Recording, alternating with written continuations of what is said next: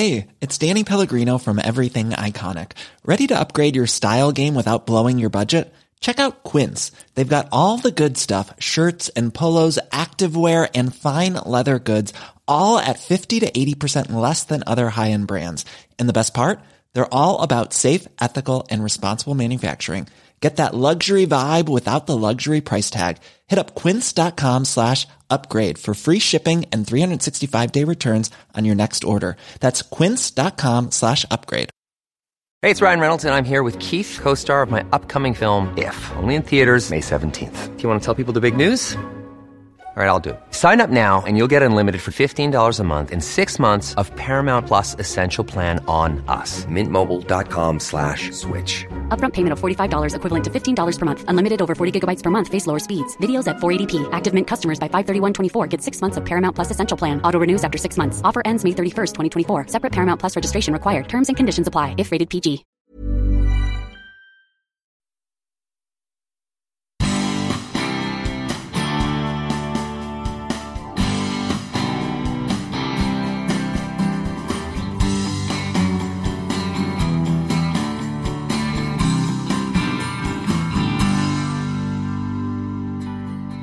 Jag måste bara få säga det, att hur dumt låter inte det att en akutsjukvård inte har beredskap för oväntade händelser? inte det hela akutsjukvårdens liksom, eh, grundtillstånd? Det är därför vi finns till.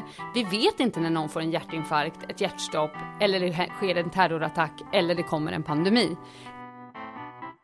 Men hur kan man överhuvudtaget någonsin gå med vinst när man bedriver sjukvård? Vinsten kan inte vara ekonomisk, vinsten måste vara i folkhälsa och i välstånd för befolkningen. Det är liksom någonting helt absurt. Du tvingar mig nu att prata i termer som man överhuvudtaget inte ska prata i när man pratar sjukvård. Jag producerar ingen vård.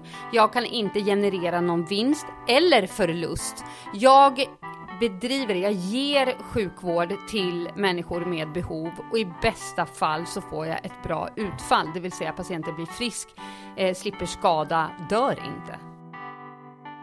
De som inte kan hålla fri luftväg själva, förstår du, som där tungan åker bak, de är inte räddbara. Därför att du har inte tillräckligt med gubbar för att sitta och hålla deras luftväg, så de bara prioriterar du bort. Eh, de som kan gå, de prioriterar också bort. De verkar inte dö här och nu. Och sen, förstår du, och så får man liksom sortera så tills man har några kvar.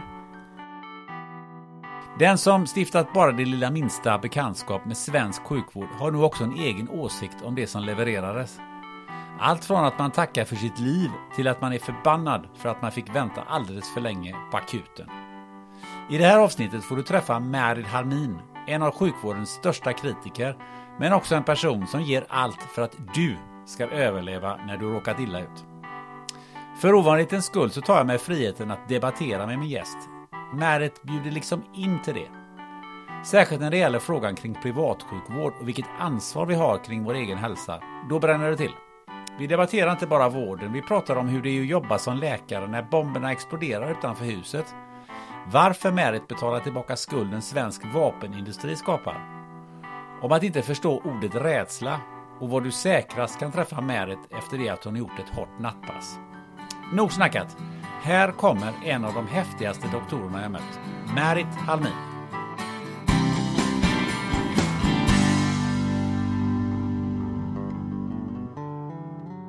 Du, vad hette podden som ni, eh, som ni hade? Eh, ronden. Just det, Ronden var det. Eh, Märit Halmin, välkommen till podden Spännande möten. Tack. Du är nyss hemkommen från Libanon va? Mm. Mm. Hur... Förrgår. I förrgår? Mm. Vad gjorde du där? Eh, jag har jobbat där för WHO. Eh, och det är min tredje vända nu på två år. Så att senaste två åren har jag nästan varit där ett år sammanlagt. Så att jag har... Det är ett av få ställen jag har jobbat så länge på. om man inte pratar om Sverige då. Mm. Ge oss en bild av eh, Libanon och att jobba som läkare i Libanon. Alltså, det är väldigt svårt att ge en bild av Libanon. Det är verkligen kontrasternas land. Eh, allt finns i Libanon och alla extremer. Eh, men Libanon nu är ju ett land i, fullständigt, eh, i fullständig kollaps. Det började 2019 med att hela banksystemet rasade, kollapsade och alla förlorade alla sina besparingar i princip. Och sen dess så har inflationen skjutit i höjden med jag vet inte hur många hundra procent. Det är liksom det, det är inte greppbart eh, hur priserna har stigit och lönerna sjunkit. Eh, och sen så, så hade de den här stora explosionen i hamnen, vet jag inte om du minns? Jo. I augusti 2020, eh, där väldigt många människor dog och en stor del av staden eh, ödelades. Eh, och sen kom corona på det. Så att eh, Libanon är i sviterna av upprepade slag mot eh, nationen och deras välstånd. Så kan man säga. Men eh, corona, hur, hur drabbad är man i Libanon av corona?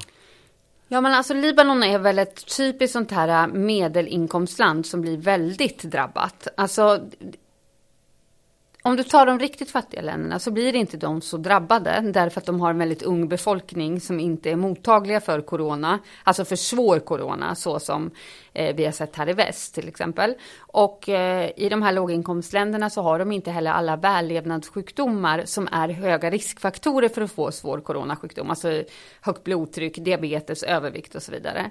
Eh, våra länder, de rika länderna, vi har alla de här riskfaktorerna och vi har jättestor befolkning som är åldrad. Eh, så vi fick ju liksom en, en väldigt stor portion av våra corona eh, insjuknanden hamnade på sjukhus och behövde intensivvård.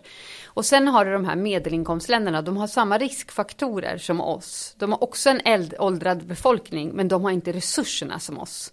Libanon är ett typiskt exempel på det, Indien ett annat, Sydafrika ett annat, där de har blivit enormt drabbade av corona. Men hur ser, eh, hur ser coronavård ut i eh, Libanon? Ja, det är en, det är en dum fråga höll jag på att säga, ja. för det beror på, nej men det beror på var i Libanon. Eh, är du höginkomsttagare med en privat sjukförsäkring, då blir du inlagd på ett av de privata universitetssjukhusen i Beirut och då ser vården, coronavården ut ungefär som på Södersjukhuset eller Karolinska. Eh, är du fattig och eh, inte har någon sjukförsäkring så får du en vård motsvarande en nivå som i Afghanistan eh, med eh, Behöver du intubation, alltså att du är så pass dålig så du behöver läggas i respirator, så är risken att dö i Libanon inom den offentliga sjukvården över 90 procent. Det vill säga det är nästan lika med dödsstraff. Du, eh, vi ska komma tillbaka till, ehm, till det här och, och, du har ju även varit i en del andra länder eh, som vi ska prata om. Men jag tänker att vi, vi tar oss eh, till, eh, till, din, eh, till din verklighet som mm. du lever i här i Sverige. Ja. Har du hunnit eh, att jobba någonting på, på sjukhuset här i, i Stockholm? Nu de här två dagarna. Ja. Nej. Nej. Nej. Men hur, kan du berätta om hur, hur, eh, hur ser ett vanligt pass ut på, på jobbet? Eh, nej men, alltså, ja, jag har världens roligaste jobb. Jag tycker, alltså nu pratar jag om jobbet i Sverige. Jag tycker verkligen att det är ett helt fantastiskt jobb som är, är så mångfacetterat och har alla Eh, Eh, alla ingredienser som man vill ha för att känna att man utvecklas på jobbet och känna att man gör någonting meningsfullt. Ehm, min dag på jobbet ser ut så att jag jobbar på en intensivvårdsavdelning, det vill säga med de som är absolut mest svårast sjuka, alltså livshotande sjuka oavsett orsak kan man säga. Det kan vara blodförgiftning, det kan vara ett hjärtstillestånd, det kan vara ja, jag kommer inte ens på, eh, överdos av någon farligt läkemedel i självmordssyfte. Det kan vara vad som helst. Men eh, man är så pass livshotande sjuk så att något eller flera av organen inte fungerar och man behöver organ eh, support. Jag hatar nu att jag pratar engelska, I'm sorry, men det är för att jag har varit borta i två månader. Eh, organstödjande vård, så kan man säga. Eh, och organstödjande vård, det är ju om det är lungorna så är det respirator. Är det eh, än hjärtat så är det massor med läkemedel som håller blodtrycket i schack som stärker hjärtat. Eh, är det njurarna så är det dialys och så vidare. Eh, och då när jag kommer till jobbet så får jag först en rapport från de som har gått nattjour. Så vi får en aning om vad som har hänt under natten. Och sen börjar jag ronda mina patienter. Eh, och då brukar jag ofta ha kanske tre, fyra patienter som jag rondar ihop med sjuksköterskan som är ansvarig för respektive patient. Jag undersöker patienten, vi går igenom alla labbsvar, vi går igenom alla mediciner, vi bestämmer vad vi ska göra under dagen och så vidare. Pratar med anhöriga, familj. Mm. Du har världens eh, bästa jobb, men du har ju ändå haft en hel del åsikter om Ja, eh, det är därför jag ville säga. Ja, nej, men jag har världens sämsta arbetsgivare. Och var världens världens bästa. sämsta arbe- Ja. arbetsgivare. Ja, men för att eh, du eh, var ju med i Nyhetsmorgon morgon för fyra år sedan och då sa du följande. Eh, vården har gått från ohanterbart till ännu sämre. Aha. Mm. Och det är fyra år sedan. Ja. Eh, och då, då undrar jag hur ser det ut nu då? Eh, nej men det kanske inte är sämre faktiskt, men det är ju inte ett dugg bättre heller. Men eh, med det uttalandet så kan det väl inte sjunka längre ner, så nu får jag väl liksom behärska mig i mina drama queen-uttalanden. Eh, men vad som är sant i detta är att vården var redan på en väldigt, väldigt skör eh, skört sluttande plan långt innan corona. Och allt det som har uppmärksammats i samband med corona är inte en följd av corona. Det är en följd av en sjukvård som har noll marginaler och därmed noll beredskap för oväntade händelser. Eh, och jag måste bara få säga det, att hur dumt låter inte det att en akutsjukvård inte har beredskap för oväntade händelser? inte det hela akutsjukvårdens liksom, eh, grundtillstånd? Det är därför vi finns till. Vi vet inte när någon får en hjärtinfarkt, ett hjärtstopp, eller det sker en terrorattack, eller det kommer en pandemi. Det, vi, det går inte att planera, det går inte att kalkylera, det går inte att sköta som man sköter en Toyota-fabrik. Punkt. Eh, Men det har man trott i jävligt många år och nu med corona så visar det sig att det var ju asdumt. Eh, Och det hördes ju lite sådana röster. Även från politiskt håll, alltså från oväntat håll ska jag säga, under själva pandemin. Men nu har jag dem inte alls. Det är som att liksom den läxan lärdes under en dag och sen glömdes den bort. Men man kan ju undra då om, om man då 2018, då visste vi ingenting om pandemier Nej. överhuvudtaget, i alla fall inte i Sverige. Eh, och och då ska, var man alltså på väg till ännu sämre eh, från ohanterbart. Men, men hur såg det ut under den här perioden som vi hade covid? Det måste ju varit eh, fullständigt ohanterbart, eller hur, hur, hur, hur, hur överlevde alltså, ni? det, beror på, eh, det beror på vad man menar. Alltså, du har resurser och sen har du mål vad du ska uppnå, eller hur? Och de ska ju vara matchade. Och vad jag vill hävda är att i svensk sjukvård så har vi haft mål och en självbild generellt i samhället om att vi har liksom top notch vård, ingen blir bortprioriterad, ingen behöver vänta, det finns tid för eh, samtal. Men vem har den bilden? Nej, jag tror att ja, det är det politikerna lovar på något sätt. Samtidigt så ger de resurser som inte alls motsvarar detta. Det Fast- går inte att uppnå. Fast den bilden har ju inte vi som går till och kommer till sjukhuset. Nej, men det är nu. väldigt många väljare som aldrig går till sjukhuset och Ja. de tror jag fortfarande har den bilden och förväntar sig det, vilket jag inte tycker är en orimlig förväntning i ett väldigt rikt land där vi lägger ganska stor del av vår inkomst på skatt. Eh, då tror man ju att man liksom kan förvänta sig detta.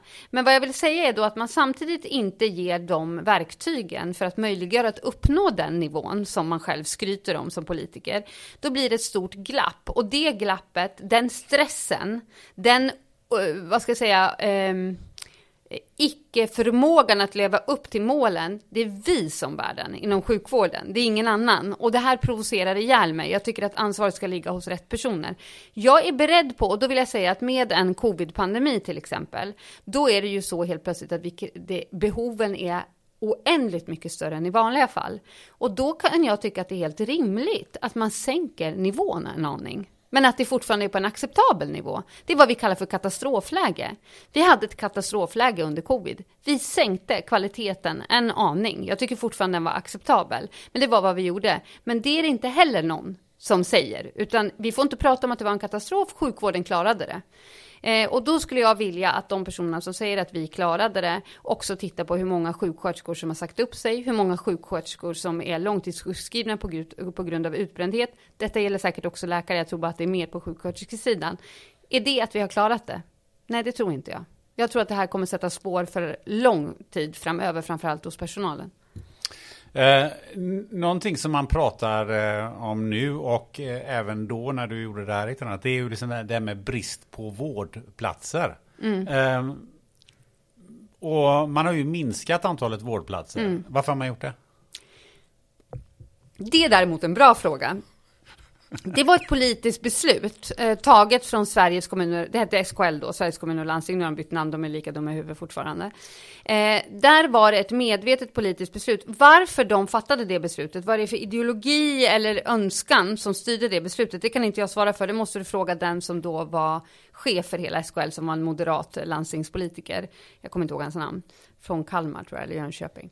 Han, eh, han gick ut och sa att vi har för mycket vårdplatser, det är så mycket som går att effektivisera, göra dagkirurgiskt och så vidare. Så utan att på något sätt mäta vad det finns för behov, eh, så bara skar man ner på vårdplatser. Det var första steget. Vad som då hände var att man skar ner för mycket, eftersom man inte hade matchat det här mot någon typ av analys av vad det fanns för behov. Detta gjorde då att man helt plötsligt inte hade personal. Det är det jag pratar Det är ju inte sängar som saknas, utan det är ju personal som kan ge vård i dessa sängar. Förstår du? Eh, och då saknades det platser och personal. Eh, patienterna eh, läggs då in, fast i, de måste ju läggas in. De håller på att dö, de behöver sjukvård. De läggs in och en sjuksköterska som ska ansvara för fem patienter får ansvara för sju istället. Alltså detta skapade en enorm stress hos sjuksköterskor som då gjorde att väldigt många sjuksköterskor än idag lämnar yrket efter väldigt få år från examen. Det är en omsättning på sjuksköterskor som är helt orimlig och som alla borde bara liksom reagera på och tänka vad gör vi för fel? Istället så säger man att man ska utbilda fler sjuksköterskor. Det är ju inte där lösningen ligger. Eh, och då, när sjuksköterskorna lämnade och man inte kunde bemanna upp, då var man tvungen att stänga fler vårdplatser på grund av sjuksköterskebristen. Och det pratar alla öppet om nu, att vi skulle önska att vi hade fler vårdplatser i Stockholm, men på grund av sjuksköterskebristen kan vi inte öppna upp fler. Men sanningen är den att det som var startskottet var ett politiskt beslut som var fattat och som var helt felaktigt och någon borde stå till svars för det. Jag har kollat det här lite grann med vårdplatser för det intresserar ja. mig lite grann faktiskt. Rent statistiskt för att mm. eh, 1994 så hade vi 5,2 vårdplatser per tusen invånare. Och nu har vi 2,2. I alla mm. fall hade vi det 2018. Jag vet inte exakt vilket årtal det är. Men eh, då, jag, då tänkte jag så här att ja, men varför har vi det? För vi är ju då Eh, på samma nivå som Tunisien och Saudiarabien. Mm. Om man du ser över mm. världsstatistiken. Vet du förresten vilket land som har mest vårdplatser i världen? Jag ska tippa på att det är Tyskland kanske? Nej. Det är Grönland. Jaha, ja men stackarna, de, de, är, de är så få. De, ja.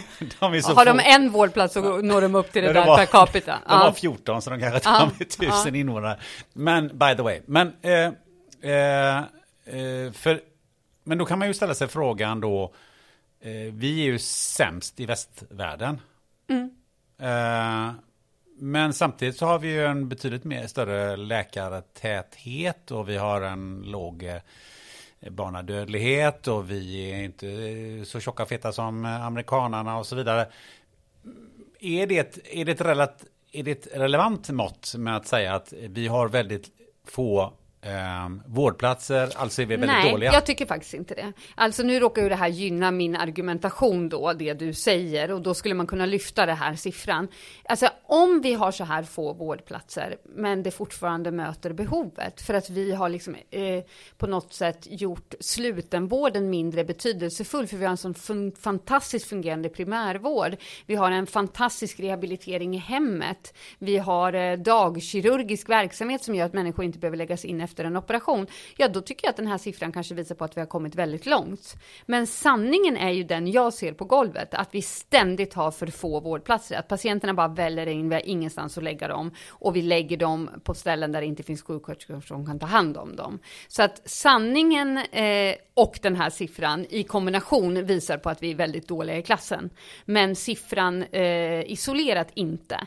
Sen om du nu har gjort din research så kanske du har gjort research om antalet intensivvårdsplatser per capita också? Eh, nej, så långt har det inte kommit. Det fanns inte på den hemsidan. Nej, okej, okay. men då kan jag berätta det för dig ja. att eh, där är vi ännu sämre. Eh, eller jag vet inte om det går att vara sämre, men där är det väldigt, väldigt tydligt att det är liksom extremt få eh, intensivvårdsplatser per capita eh, jämfört internationellt, jämfört med Skandinavien och Stockholm jämfört med resten av landet. Så Stockholm är liksom extraordinärt här. Eh, där har jag lite svårare att se hur kan det, hur skulle det kunna tolkas positivt? Intensivvård handlar om människor som har fått ett hjärtstopp eller som liksom håller på att dö i en blodförgiftning. Det går inte att effektivisera hur bra man än blir inom sjukvården och bedriva den vården i hemmet eller ersätta den med primärvård eller rehabilitering. Förstår du vad jag menar? Så det är kanske mer ett robust mått. Förstår du? Det borde vara samma behov per befolkningsgrupp. Är du med? Eller befolkningsenhet ska jag säga eh, mer än eh, de vanliga slutenvårdsplatserna. Fast eh, nu, nu håller jag på att kötta emot mm. lite bara för att mm, liksom testa det lite. Men, men eh, jag tänker så här att ja, men vi har säkrare trafik, alla ja. åker omkring med hjälm, eh, vi är hyfsat hälsosamma, även vi ska komma in på den eh, diskussionen också. Eh, I alla fall inte lika överviktiga som amerikanarna som, och, och, så vidare och så vidare. Vi har, vi har en hyfsad eh, folkhälsa i alla fall än mm. så länge. Eh, och det gör kanske att vi inte råkar ut för så mycket akutfall som man gör i andra länder. Nej, jag tror eh, det, det ligger någonting i det du säger och jag tror att det skulle kunna förklara mindre skillnader. Men jag tror att den stora bulken är ändå sån sjukvård som inte går att förebygga som hamnar på intensivvården. Och sen måste du komma ihåg att vi har också en väldigt eh, åldrad befolkning som lever mycket längre, så vi får fler och fler sjukdomar bara på grund av att vi faktiskt är hälsosamma. Förstår du? Så att det, det är väldigt svårt. Statistik är svårt och kan användas på väldigt många olika sätt. Jag eh, behöver inte, alltså nu vill jag inte verka ovetenskaplig, men vad jag menar är att om man sitter på eh, Sveriges kommuner och landsting, då kan man ju hålla på och bolla och argumentera för och emot hur man ska tolka en statistisk siffra. Jag jobbar på golvet och det jag säger nu, det är ingenting som någon annan sjukvårdspersonal personal kommer att tycka är kontroversiellt. Alla är medvetna om att vi har på tok för få vårdplatser och att det drabbar patienter och får konsekvens för kvalitet på vården som vi ger. Punkt. Och då dör vi om vi inte kommer till vård då, med andra ord? Ja, det kan ju vara en av konsekvenserna, ja. Mm. Du, du, nämnde Stockholm förresten. Eh, alltså, som, som vanlig dödlig då, så, så fattar inte jag då att eh, de har ju ett överskott på 2 miljarder. Mm -hmm. och, så, och så säger eh, Damberg att jag ska tillfoga, tillföra 500 miljoner till vården. Men hur kan man ha en kassvård eller en, en, alla de här problemen i Stockholm och sen har man en 2 miljarder i vinst? Men hur kan man överhuvudtaget någonsin gå med vinst när man bedriver sjukvård? Vinsten kan inte vara ekonomisk, vinsten måste vara i folkhälsa och i välstånd för befolkningen. Det är liksom någonting helt absurt. Du tvingar mig nu att prata i termer som man överhuvudtaget inte ska prata i när man pratar sjukvård. Jag producerar ingen vård. Jag kan inte generera någon vinst eller förlust. Jag bedriver, jag ger sjukvård till människor med behov och i bästa fall så får jag ett bra utfall, det vill säga patienten blir frisk, eh, slipper skada, dör inte. Det, det, det, är mitt språk, förstår du? Jag kan inte prata i de här termerna. För mig är de helt obegripliga när man applicerar dem på sjukvården. Men det blir ju eh, ännu mer obegripligt för mig som inte, som inte är i sjukvården. Men som kommer från Handels, ja. Ja, precis, mm. exakt, precis. Mm. Nej, men alltså, men, men vinst, med, man, man har två miljarder över. Mm. Och sen kan man inte betala eh, sin, sin sjukvård. Så man måste spara och, och eh, sparka sjukvårdspersonal. Jag, jag får inte ihop den. Eh... Nej, jag, inte jag heller. Men, men, men, men vem, vem ska du fråga? Nej men så här va, vem, alltså på, på julafton säger Långben, vem är det som kör egentligen? Vad kan man säga, vem är det som bestämmer egentligen? Ja, det är också en bra fråga. Nej, men det är väl, när vi pratar om Stockholms sjukvård och de här två miljarderna, då är det Irene Svenonius. Så är du på riktigt intresserad så ta hit henne. Och så, jag skulle också vilja höra vad hon har att svara på det. Eh, hon är absolut den som är formellt och officiellt och på alla sätt ansvarig för eh, utvecklingen inom Stockholms sjukvården. Men det är ett problem att peka ut ansvariga generellt när man pratar om bekymmer inom sjukvården. Andra, nu pratar jag inte om de två miljarderna i Stockholm, utan generellt. Eh, är det SKR? Är det de verkar fatta väldigt många beslut. Vem, vem, tillsätter dem? Vad är det för organisation? Det är en intresseorganisation. Det liksom finns inte ens, vi har ingen möjlighet att avsätta eller påverka vem som får en, en position där, men de har enormt maktinflytande över sjukvården. Eh, sen har du regionerna.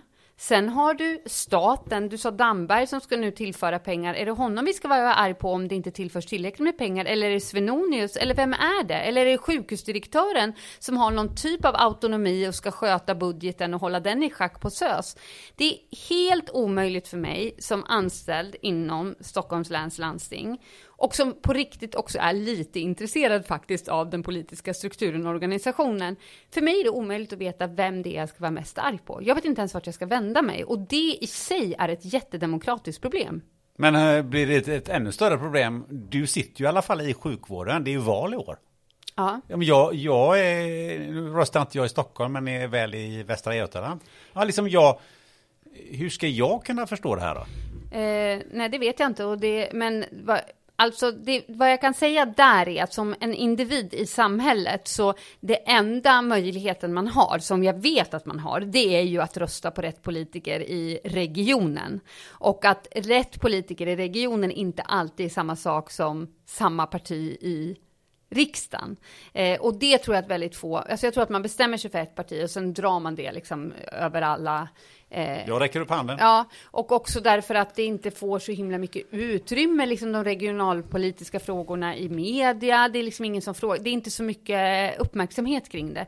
Men då vill jag bara vara väldigt tydlig att i Stockholm i varje fall så är det så att vad gäller sjukvården och vad gäller lokaltrafiken så är det regionen som är ansvariga. Och allt du röstar på när det gäller regionen kommer att få konsekvenser för sjukvården och lokaltrafiken.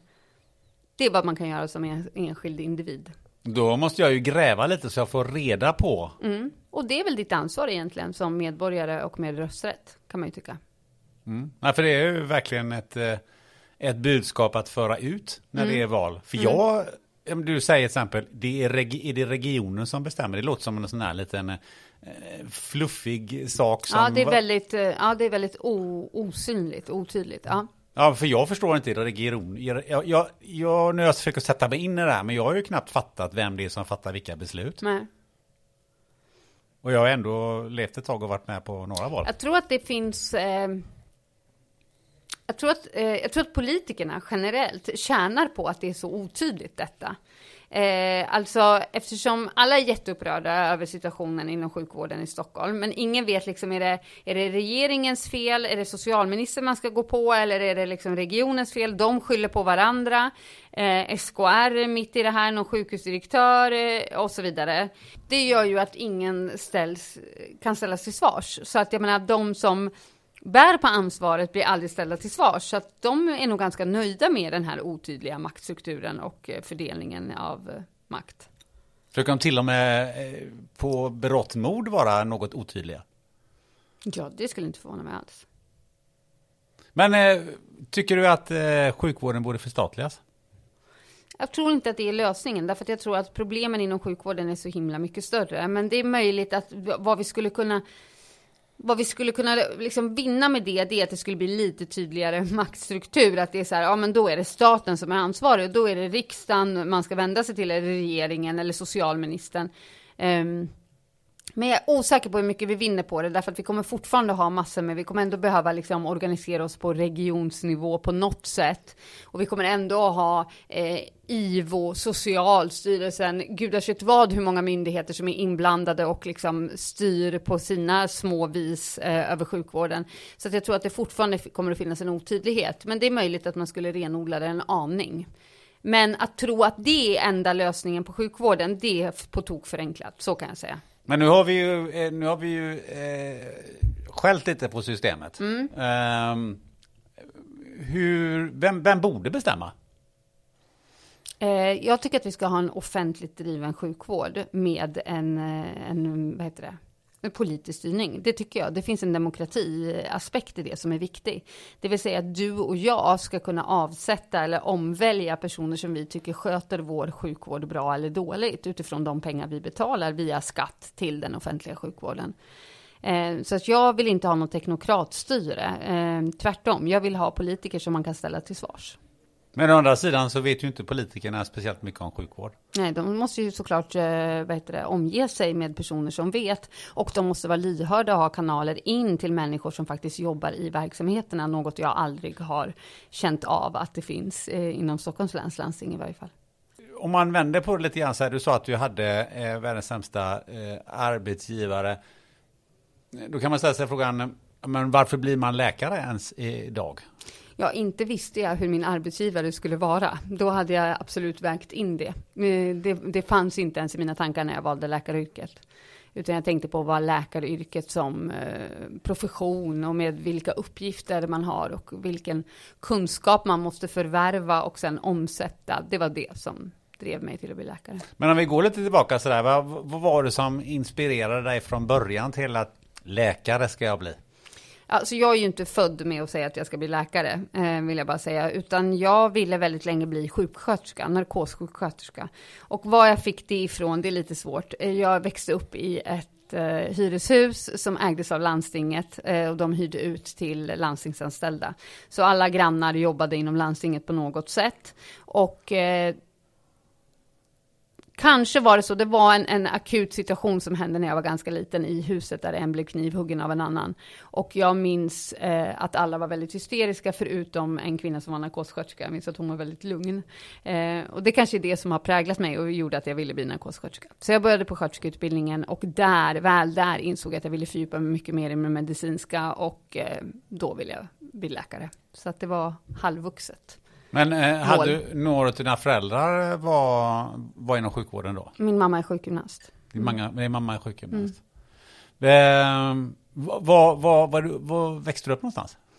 I Uppsala gick jag i skolan och bodde med min mamma och sen var jag hos pappa på helgerna i Stockholm. Vad gör du när du inte, när du inte är på, på sjukhus, har världens bästa jobb och världens sämsta arbetsgivare? Vad, vad gör du? På, på Menar du på min fritid? Ja. Eh, men jag, det där, jag kan inte svara på den frågan. Alltså jag blir så ställd varje gång. Och jag har liksom till och med tänkt att jag måste förbereda något svar. För man får ju ändå den frågan, typ på mingelfester och så. Nej, jag vet inte. Jag har ingen aning. Jag, det, jag har inte något jättetydlig hobby. Eh, så, som man liksom kan sälja in på en sån fråga, typ så här, nej då spelar jag violin, eller jag är ju väldigt kreativ så jag håller på med skissar lite. Nej, alltså tyvärr, jag är bara helt jävla handikappad vad gäller sånt. Jag är inte kreativ alls. Jag, jag har inget specifikt intresse. Nej men eh, någonting som är gött gör du på, som vi säger i Göteborg, på din fritid. Vad gör du? Söver? Jag har inte så jättemycket fritid tror jag. Nej men vad, vad, vad, tycker du om att göra? Men är det alltså de här vanliga grejerna, man går på café och... Ja, det är klart jag tycker det är gott att dricka en god kaffe. Det är ja. underbart att umgås med vänner. Vad ska jag säga? Alltså det blir bara så här, alla säger det. Det är självklart. Det är ja. ju att leva. Jag har inget specifikt jag ägnar min fritid åt. Men om, om man säger så här då. Eh, du måste ju ändå på något sätt återhämta dig, för du har ett tufft jobb, du har en tuff arbetsgivare och jag kan tänka mig det. Eh, att eh, att grejer som, som du gör på ditt jobb, både du jobbar länge, du, det, är, det är högt tempo säkert och, och, ibland händer det saker som man kanske kan vara jobbiga att hantera. V vad gör du för att, för, för, att slappna av, för att, för att komma bort från det där? Eh, träna är ett bra sätt att rensa tankarna när saker och ting har varit jobbigt på jobbet. Och eh, bastu är ett bastu? sätt att avslappna. Ja. Jaha. Mm, jag älskar bastu. Så du åker från jobbet till bastun då, mm, eller? Mm. Det gör det alltså? Ja, det finns inte en enda nattjour jag går hem eh, på direkten, jag går alltid via simhallen, simmar och sen bastar. Och den är öppet eh, dygnet runt så att... Nej men nattjour går ju av på morgonen så ja. Det, Jaha, det är bara nattjouren som, eh, som är bastu? Ja men sen så, så gör jag det många gånger till i veckan när jag jobbar dag. Men, men just efter nattjour är det obligatoriskt. Och träning? Simning. Simning mm. och bastu? Mm. Ja, Låter ju jäkligt skönt. Mm. Då blir man god och avslappnad sen. Mm. Mm. Men blir inte det? Mm. Eller hur? Eh, du, tillbaka till det här med vården och eh, jag tänkte på det här. Eh, men hur, ursäkta uttrycket, hur jävla svårt kan det vara att mm. organisera det här? Det kan inte vara, alltså man organiserar väldigt komplexa fabriker och, och åker till rymden och så vidare. Och det funkar uppenbarligen. Men sjukvården har vi ändå ja. bedrivit i flera hundra år. Ja, men jag, jag, på ett sätt kan jag hålla med dig. På ett annat sätt så måste jag ändå säga att jag tror att sjukvård är extraordinärt komplext. Eh, att liksom flyga till Mars, det kanske är svårt med, liksom, av teknologiska skäl, men du kan ju sitta och planera och du kan bestämma när du ska avfyra raketen och du kan liksom eh, skjuta på det om du inte är färdig än och så vidare. Inget av de där eh, utrymmet och flexibiliteten har vi inom sjukvården, utan kommer det in en patient med hjärtstopp så måste vi agera där och då. Och så sitter det samtidigt någon som har en psykos och har liksom eh, trampat snett och har någon fotledsfraktur och som sitter och skriker och samtidigt så händer något vid vidare. Det går inte att planera, strukturera, effektivisera och vara liksom finslimmade på samma sätt. Det vore en utopi. Däremot tror jag absolut att man kan göra det bättre och då tror jag att man gör det bättre om man slutar att jämföra sig med eh, rymdraketsproducenter eller bilfabriker utan istället titta på vad är det sjukvårdens kärna är för något och hur bör vi organisera oss för att uppnå den kärnan.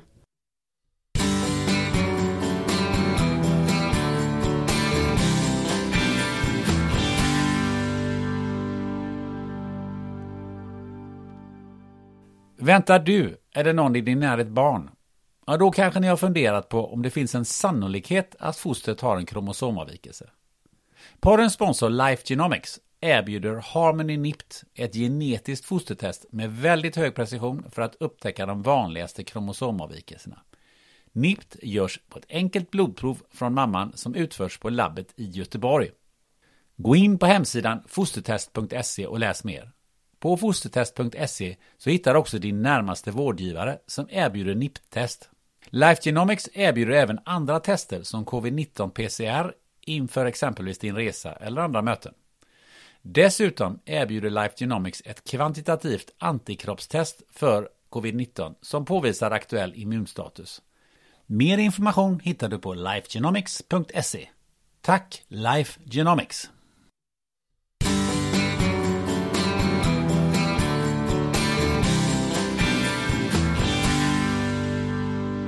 Fast samtidigt så är det ju så här, och det är det här som jag tycker är paradoxen. Mm. Det är ju att, alltså, de som jag har pratat med som råkar riktigt jävla illa ut. Alltså hjärtinfarkt, mm. svår cancer, alltså så. Det finns ju ingen jag har pratat med som inte berömmer svensk sjukvård till 120 procent. Alltså det är men liksom det, det... Nej, men, men det, jag tycker inte det är konstigt. Det är, inte, det är jättebra att det är så. Hade det inte varit så att även de som kommer in med livshotande sjukdom, att inte ens de får bra vård, jag menar då vore det ju katastrof. Då skulle vi kunna liksom lägga ner oss själva här och nu. Men då är organisationen jäkligt bra i det sammanhanget. Ja, därför att vi prioriterar. Vi prioriterar dem så. Vi har, vi har enormt kompetent personal. Vi har jättebra teknik. Vi har fantastiska eh, hjälpmedel så att vi kan bedriva top notch sjukvård. Problemet är att vi inte gör det 100% hela tiden. Och egentligen, jag måste bara säga nu också när du går tillbaka till de här hur många vårdplatser vi har per capita och sådär. Alltså, egentligen är jag ganska ointresserad av att jämföra oss med andra länder. Eh, det kanske man kan göra i någon benchmarking eller framför allt om det är något annat land som lyckas jättebra och man kan liksom eh, bli inspirerad. Men generellt sett så är min syn detta. Jag lever i ett av världens rikaste länder. Vi har en enormt utbildad befolkning. Vi har fantastiskt utbildad sjukvårdspersonal som dessutom är många till antalet. Vi har eh, utrustning som är top notch och, och utifrån allt det Tycker vi att vi presterar bra nog? Nej. Det är utifrån det jag tycker att vi är undermåliga. Och det, jag vet vad vi har för potential. Jag vill, uppnå, jag vill nå upp till den potentialen. Och så skiter jag i om vi är bättre eller sämre än Tyskland eller eh, Slovenien. Om man ska vara lite konspiratorisk så kan man ju säga så här att eh, vi, vi vill inte ha in de här lite enklare fallen i vården överhuvudtaget egentligen. Alltså det finns en, det finns en ganska hög barriär. Eh, jag ska ta mig igenom den här primärvårdsbarriären, jag ska ta mig igenom eh, remissbarriären. Det ska vara någon läkare där ute som fattar vad jag säger, att jag faktiskt inte mår bra och kanske inte nonchalerar mig. Men samtidigt så kanske det är så här att, ja fast du är 58 och du har eh, meniskproblem. Ja, du vet. Ska du belasta sjukvården med det eh, eller eh, ska det gå över om ett halvår? Det vill säga, vi vill inte in de här människorna egentligen i vården för vi har ingen kapacitet för det och det löser sig nog av sig självt. Eh, är du med på det, Ja, jag är helt med på det. Det är två saker här. Alltså, vi har en offentligt finansierad sjukvård som är i princip helt gratis. Den måste ju ha sina begränsningar. Eller hur? Någonstans måste vi dra gränsen, det är vi alla överens om. Till exempel, tycker du att en kvinna som vill ha silikonbröst, ska det vara subventionerat av staten? Nej, men det tror jag att vi flesta tycker, nej, det får man betala ur egen ficka, eller hur? Så någonstans går gränsen. Frågan är var den gränsen ska gå. Eh, jag vill hävda att den gränsen måste ju gå eh, så att vi får kvar en kaka att leverera som motsvarar de resurserna vi får. Just nu är det inte så. Gränsen är vidare än vad vi får resurser att klara av. Och då blir det i randzonen människor som har eh, besvär, men som kanske inte är livshotande och som då blir bortprioriterade inom vården. Det är ett faktum. Problemet är att den bortprioriteringen görs inte på politisk nivå och öppet så att du sen kan gå och rösta och säga nej, jag vill att vi ska prioritera så att meniskproblem som löser sig av sig självt om ett halvår ändå får träffa en läkare första dagen på besvären. Och jag är beredd att betala skatt för det. Alternativt, jag är inte beredd att betala skatt för det och då håller jag käften med min meniskskada. Förstår du vad jag menar? Jag vill att det ska upp på den nivån. Så är det inte nu. Utan nu, det är precis det jag försökte säga i början. Att prioriteringarna har dragits med en ganska bredd, men vi har resurser som gör att vi måste smalna av vårt uppdrag. Och då är det vi som bär på de här prioriteringarna. Dels är det väldigt jobbigt för att skapa en etisk stress hos all sjukvårdspersonal. Men dels är det helt fucking odemokratiskt, därför att du kan inte rösta bort mig om du tycker att jag gör en felaktig prioritering. Alternativet skulle vara att vi inte har en offentligt finansierad sjukvård, utan du betalar för vad du vill betala för. Du har en efterfråganstyrd sjukvård. Det är precis vad jag ser i Libanon till exempel. Och jag har sett i många andra länder, men i Libanon har jag jobbat länge nu och ser konsekvenserna av det. Där bedriver man, du, du får komma till doktorn, du kan komma till en ortoped, till en neurokirurg samma dag. Och de opererar dig också. Om du behöver bli opererad eller inte, vet det fan. Men han får ju pengar för att operera dig, så han kommer ju definitivt att operera dig. Förstår du? Det är en efterfråganstyrd vård. Den är livsfarlig. När man ser konsekvenserna av den så blir man bara helt mörkrädd och känner att det är det sista. Alltså jag, jag kommer att klamra mig fast så vid den offentligt finansierade behovsstyrda sjukvården jag kommer göra allt för att den inte ska nedmonteras mer än vad den redan har börjat göra i Sverige. Men med det du säger om den här, vad vi har, eh, vad vi har lagt den yttre gränsen, det vill säga vad, vad ni borde göra och vad ni har resurser till. Mm. Förstår du då varför jag har en privat sjukvårdsförsäkring? Nej, jag är så emot privat. Ja, Nej, ja, jag förstår, eh, jag förstår att det helt plötsligt finns människor i Sverige som vill teckna en privat sjukförsäkring. För för 20 år sedan skulle ingen vara intresserad. Även om man gjorde bra reklam skulle folk bara, varför ska jag det? Alltså, jag går ju till Sahlgrenska och det löser sig så bra och så är min husläkare, varför skulle jag? Jag har Men... haft min i 30 år kan jag säga det. Okej, då är du en, eh, men du har ju gått på Handels också så du är väl skadad. men... Eh, men generellt sett så fanns det nog inte en efterfrågan för 20 år sedan jämfört med vad det gör nu. Och det är ju därför att människor har tappat förtroende för den offentliga sjukvården. Därför att den offentliga sjukvården inte lyckas. Eh, och det, så det är därför jag är livrädd. Jag vill inte öppna upp för privata sjukförsäkringar. Jag vill att offentliga sjukvården ska klara sitt uppdrag. Och att det ska vara väldigt tydligt vad som är vårt uppdrag. Men då måste du som politiker säga det, okej, okay, men då men kom ihåg nu att du sitter med en läkare, inte en politiker. Ja, ja, ja jag, jag håller med dig. Det är politikerna som måste säga detta. Men det är, ingen politiker har någonsin hört en politiker prata om prioritering inom sjukvården. Nej, men, nej, men vad, jag, vad jag vill säga är att du var inne precis på, på det här med själv. Att, att om nu resurserna är eh, den lilla boxen som du visar med händerna mm. och den stora boxen är det som är behovet, mm. inklusive min meniskskada. Eh, som jag anser att om inte jag kan gå så anser jag att det är ett problem. Uh, och då vill jag ha vård för det. Um, jag åtminstone har en undersökning konstaterat vad, vad, vad är problemet och vad ska jag göra åt det.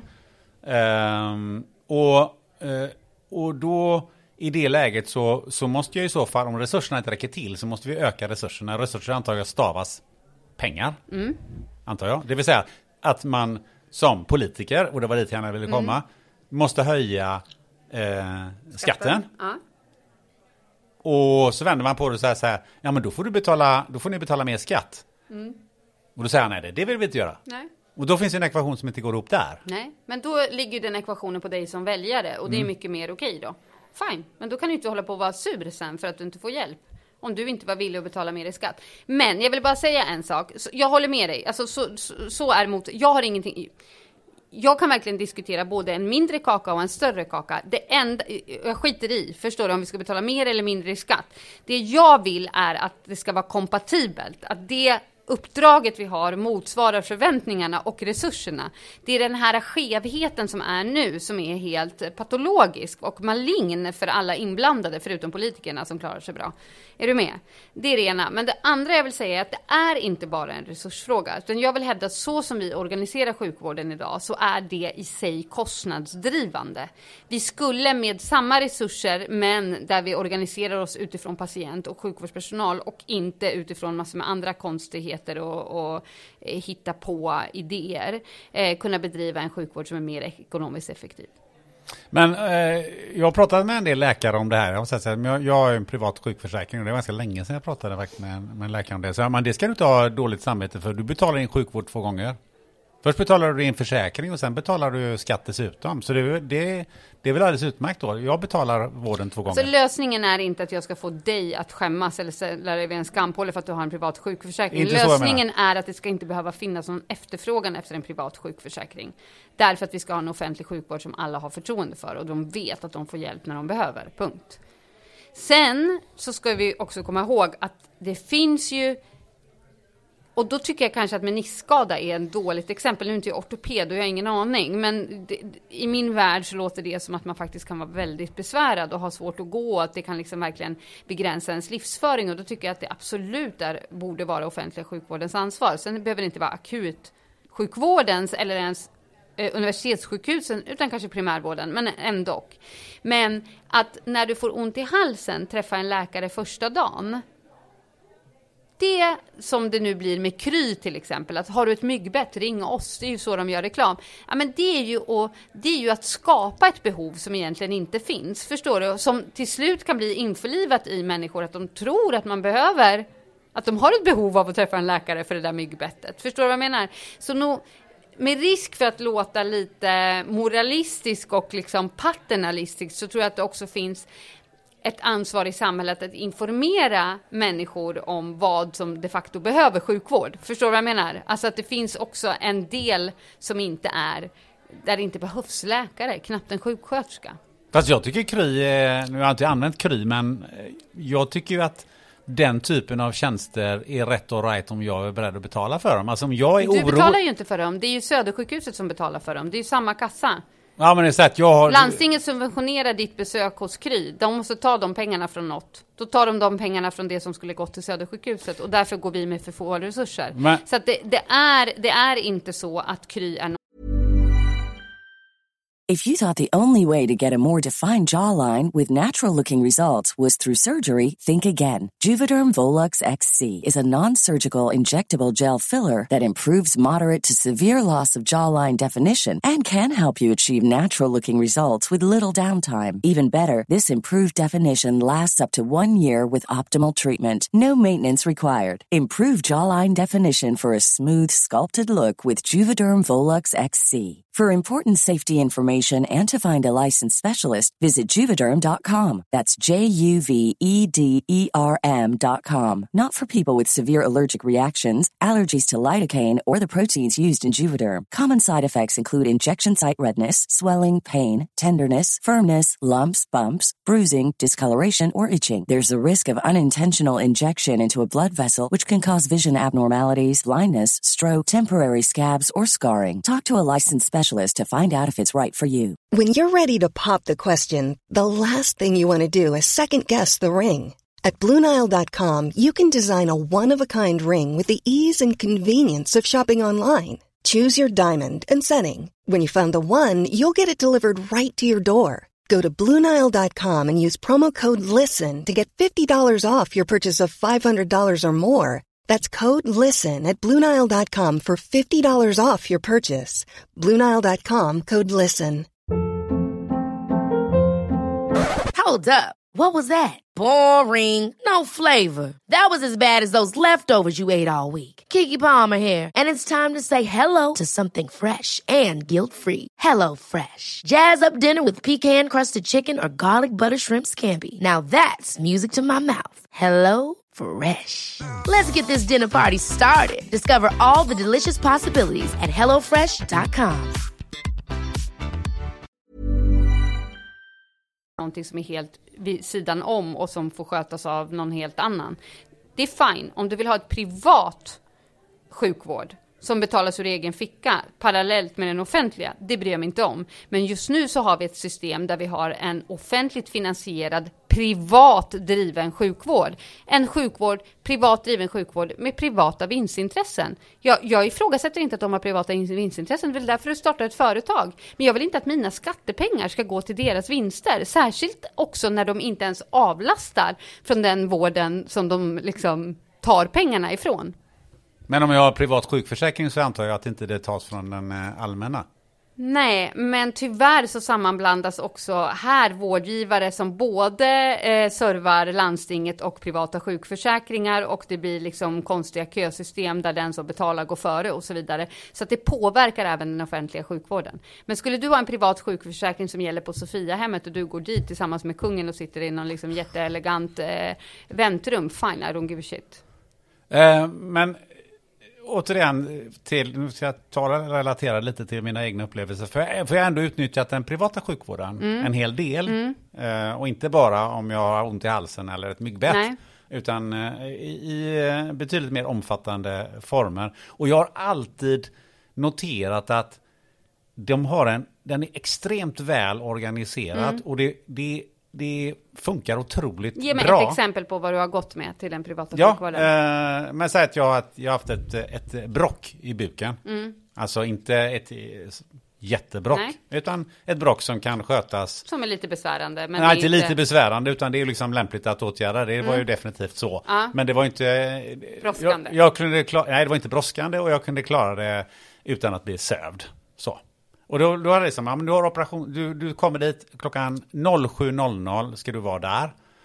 Och, och, så, och så gick det allting gick bara på ett mm. snöre och sen så klockan 09.30 så satt jag i taxin hem. Och jag bara tänkte gärna, vad var det som hände? Alltså det var ju helt otroligt. Därför att vad du precis har bevittnat är en organisation som har organiserat sig som en bilfabrik att producera bilar på löpande band, men de producerar ljumskbråcksoperationer på löpande band. De här personerna som bedriver just den här renodlade verksamheten behöver inte vara beredda på ett terrorattentat eller en covid-pandemi Tvärtom, de fortsatte operera hejvilt i sina jävla ljumskbråck och hjälpte inte till alls i samband med pandemin. De behöver inte utbilda sjuksköterskor, vidareutbilda läkare, de har inga studenter. De har inte en akutmottagning där det helt plötsligt väljer in liksom 15 personer som, inte vet jag, blivit klorförgiftade på Eriksdalsbadet. De har en verksamhet som går att planera, som går att effektivisera och som går att slimma. Kom ihåg också att de de opererar med ljumskbråck, det är sådana som du. Det är människor som har noll riskfaktorer, som är helt friska och som det inte behövs så himla mycket. Och kvar på de offentliga med våra pengar, skattepengar, har du blivit opererad sannolikt. Nej, då är min sjuk... Okej, okay, privata sjukförsäkring, men det finns ju även eh, privata aktörer som ger offentligt eh, sjukvård, alltså på samma sätt. Förstår du vad jag menar? Mm, men det här var men, det en privat okay, sjukförsäkring.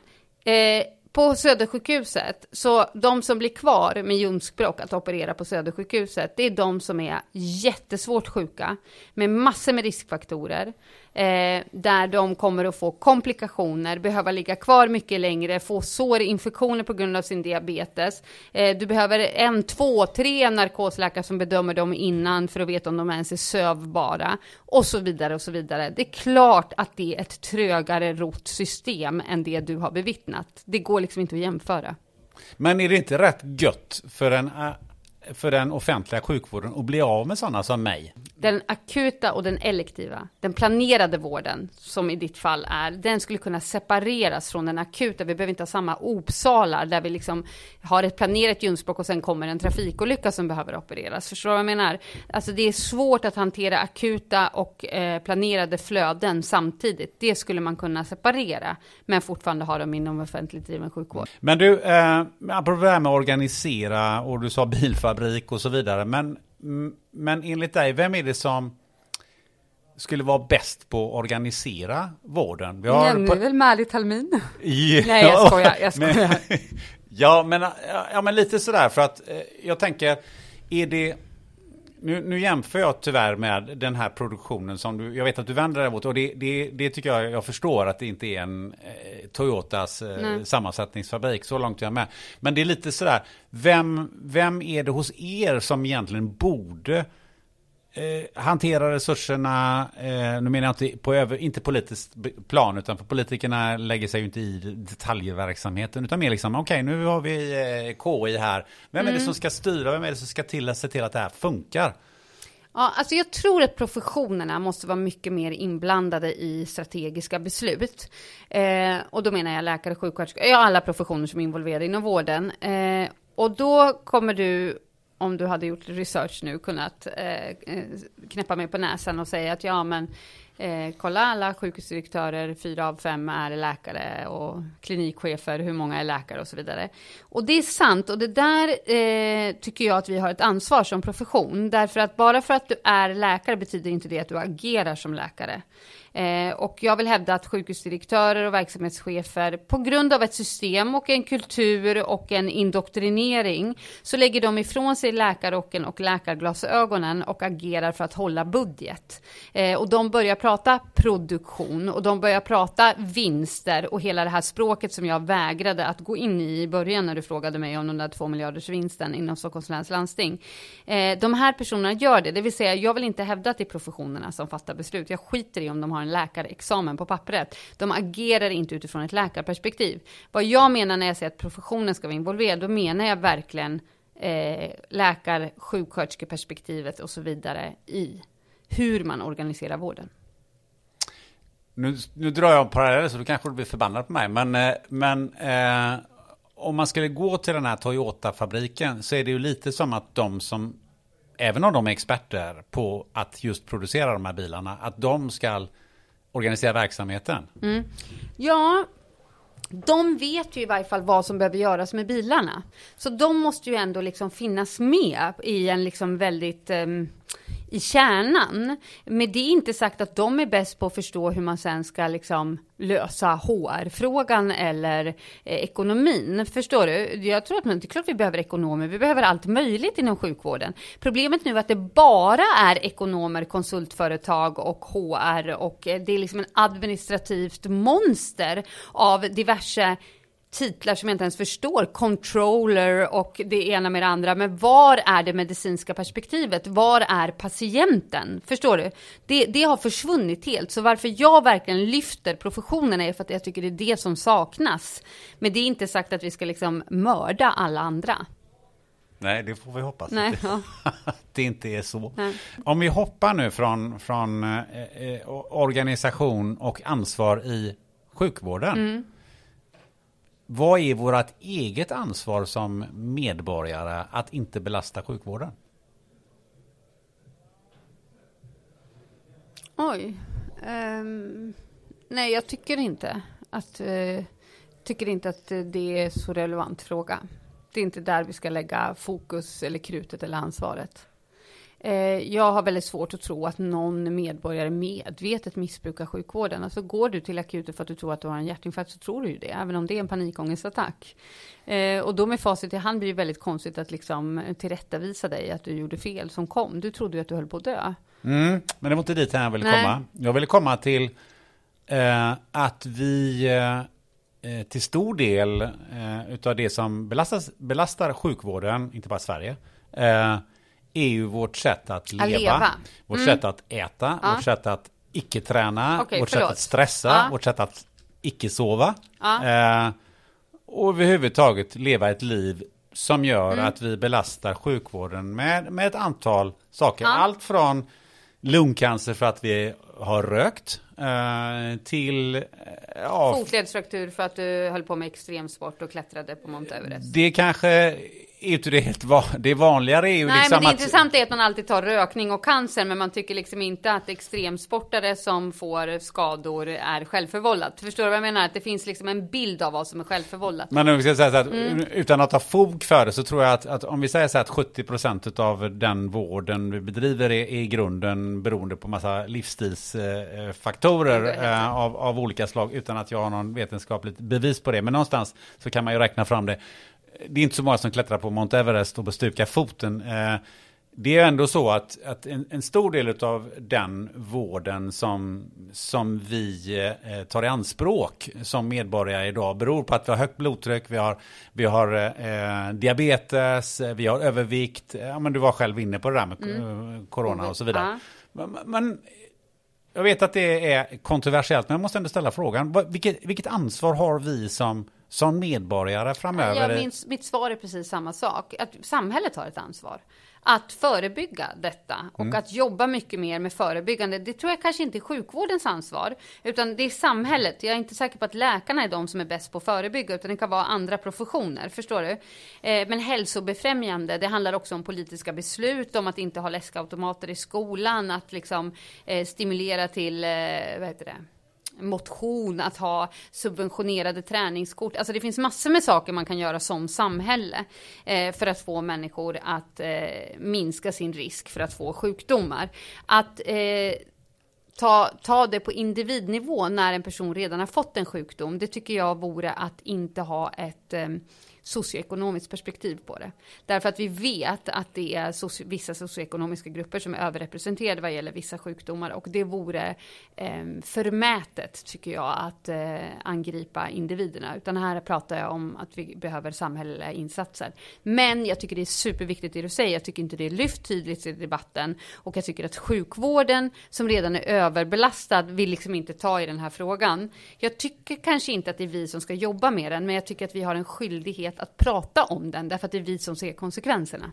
Ja, för att här finns ju något, ett visst stigma. Du är själv inne på det och jag har ju, jag har ju testat det här på på eh, flera andra aktörer som inte är just i sjukvården mm. utan, utan det kan vara av, av olika slag.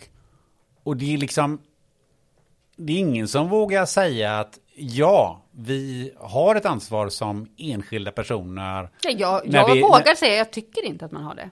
Varför har man inte det? Nej men alltså därför att jag tycker att det är, det är liksom, det är en enorm gråzon du är inne i. Den som började röka när den var 20 år och nu är 80, då på den tiden var det ju ofarligt att röka, till exempel. Så det var inte med liksom öppna ögon.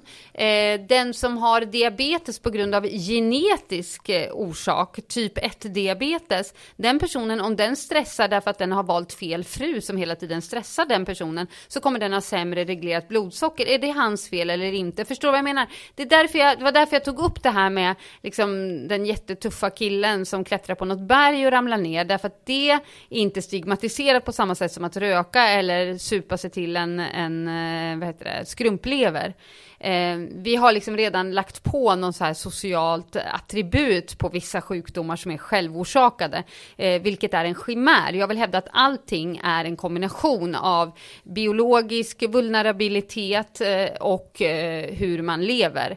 Men det är sant att vi kan göra väldigt mycket för att förebygga sjukdom genom att förändra vår livsstil och det måste ske på samhällelig nivå, punkt. Ja, för det, det är ju lite det här eh, vad man kallar för non-annanismen, det vill säga att det är någon annan som ska ta hand om det, det är samhället eller det, det, det finns ju massa institutioner som att, ska ta hand att, om att det. Att säga att samhället ska ta hand om någonting, det är inte någon annan. Det är vi.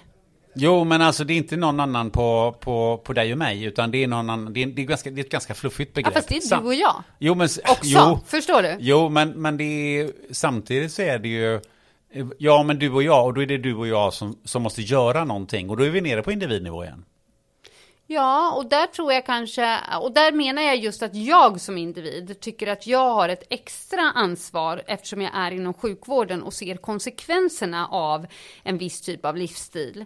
Eh, att där menar jag att jag och min profession har varit dåliga, att vi borde prata mer om det och driva opinion i dessa frågor så att politiker fattar beslut på samhällelig nivå. Eh, sen exakt vad du som individ ska göra, du ska väl... Eh, ja. Alltså nu kan jag bara tala utifrån mig själv, förstår du? Det, vi alla har väl liksom olika ansvar i denna fråga i samhället. Men jag menar inte det som att liksom skylla ifrån eller lägga det på någon annan. Utan jag tycker att vi alla, när jag säger samhället, då menar jag att vi alla har ett ansvar. Men inte som individ, utan som individdel i ett samhälle. Alltså någon typ av kollektivt tänkande och inte alltid denna individualism. Jag vänder mig mot den. Men det är ändå vi som individ som skapar samhället. Ja, Tillsammans. tillsammans. Mm. Men en individ är helt ointressant ur ett samhälleligt perspektiv. Fast den är ju intressant i, i sammanhanget. Med andra individer, ja. Ja, men den är intressant för det, det, är inte, det är inte andra individer som kommer till, till sjukvården. Det är en person som kommer till sjukvården.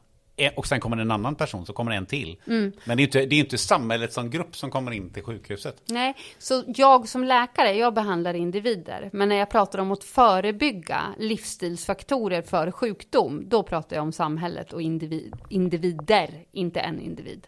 Men varje individ måste göra sitt i det här sammanhanget. Ja, eller framför ja, och det, den informationen får varje individ när den går till läkaren. Den som röker och kommer med en hjärtinfarkt får höra av kardiologen att du måste sluta röka. Det här är den största bidragande orsaken till att du har fått en hjärtinfarkt.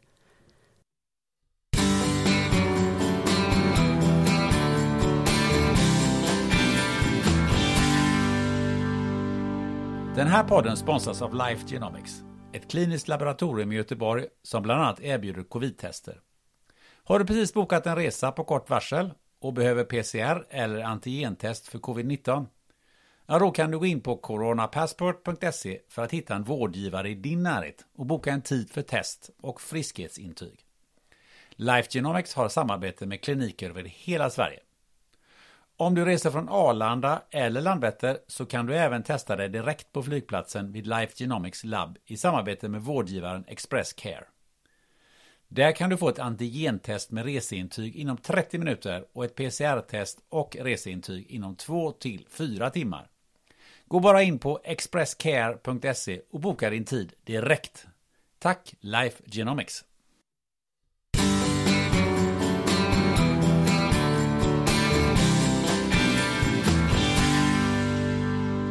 Fair enough.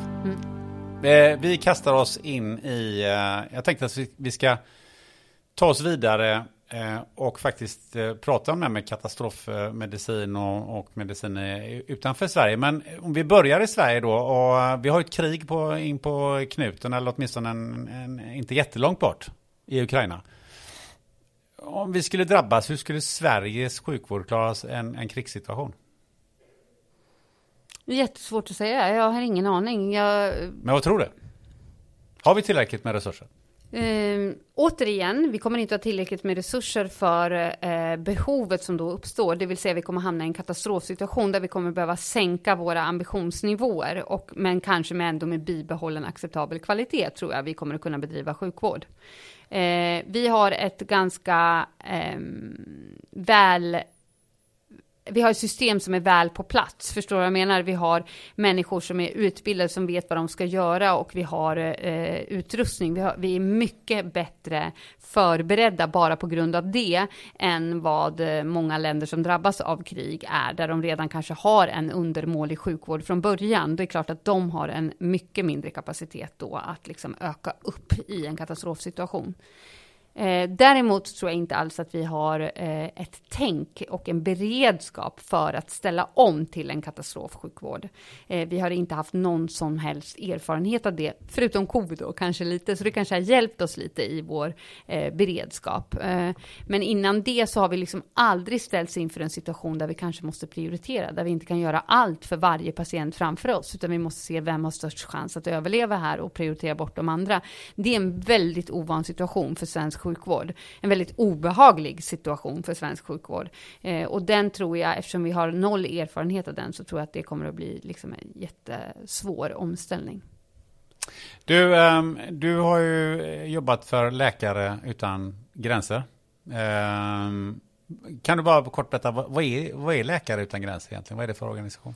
Det är en non-governmental, vad heter det? Icke, en oberoende eh, organisation som eh, Eh, får eh, donationer av eh, oberoende personer, alltså så man är inte styrd av någon eh, religion eller politik eller någonting annat och som är, kallar sig en humanitär organisation som ger eh, medicinsk hjälp i eh, situationer där det finns nöd helt enkelt. Mm. Men du som läkare då, när du, Mm. när du jobbar för den organisationen, är det, är det som volontär eller är du betald precis som vilken läkare som helst? Eh, man har en viss lön eh, som Eh, jag kommer faktiskt inte ihåg exakt vad den är, den är väldigt liten. Så det är mer en symbolisk summa, lite för att kanske kunna betala sin hyra här hemma medan man är borta. Men det är liksom inte en läkarlön som det är i Sverige, nej. Vad är det som har gjort att du eh, har engagerat dig och, och, gjort de här uppdragen?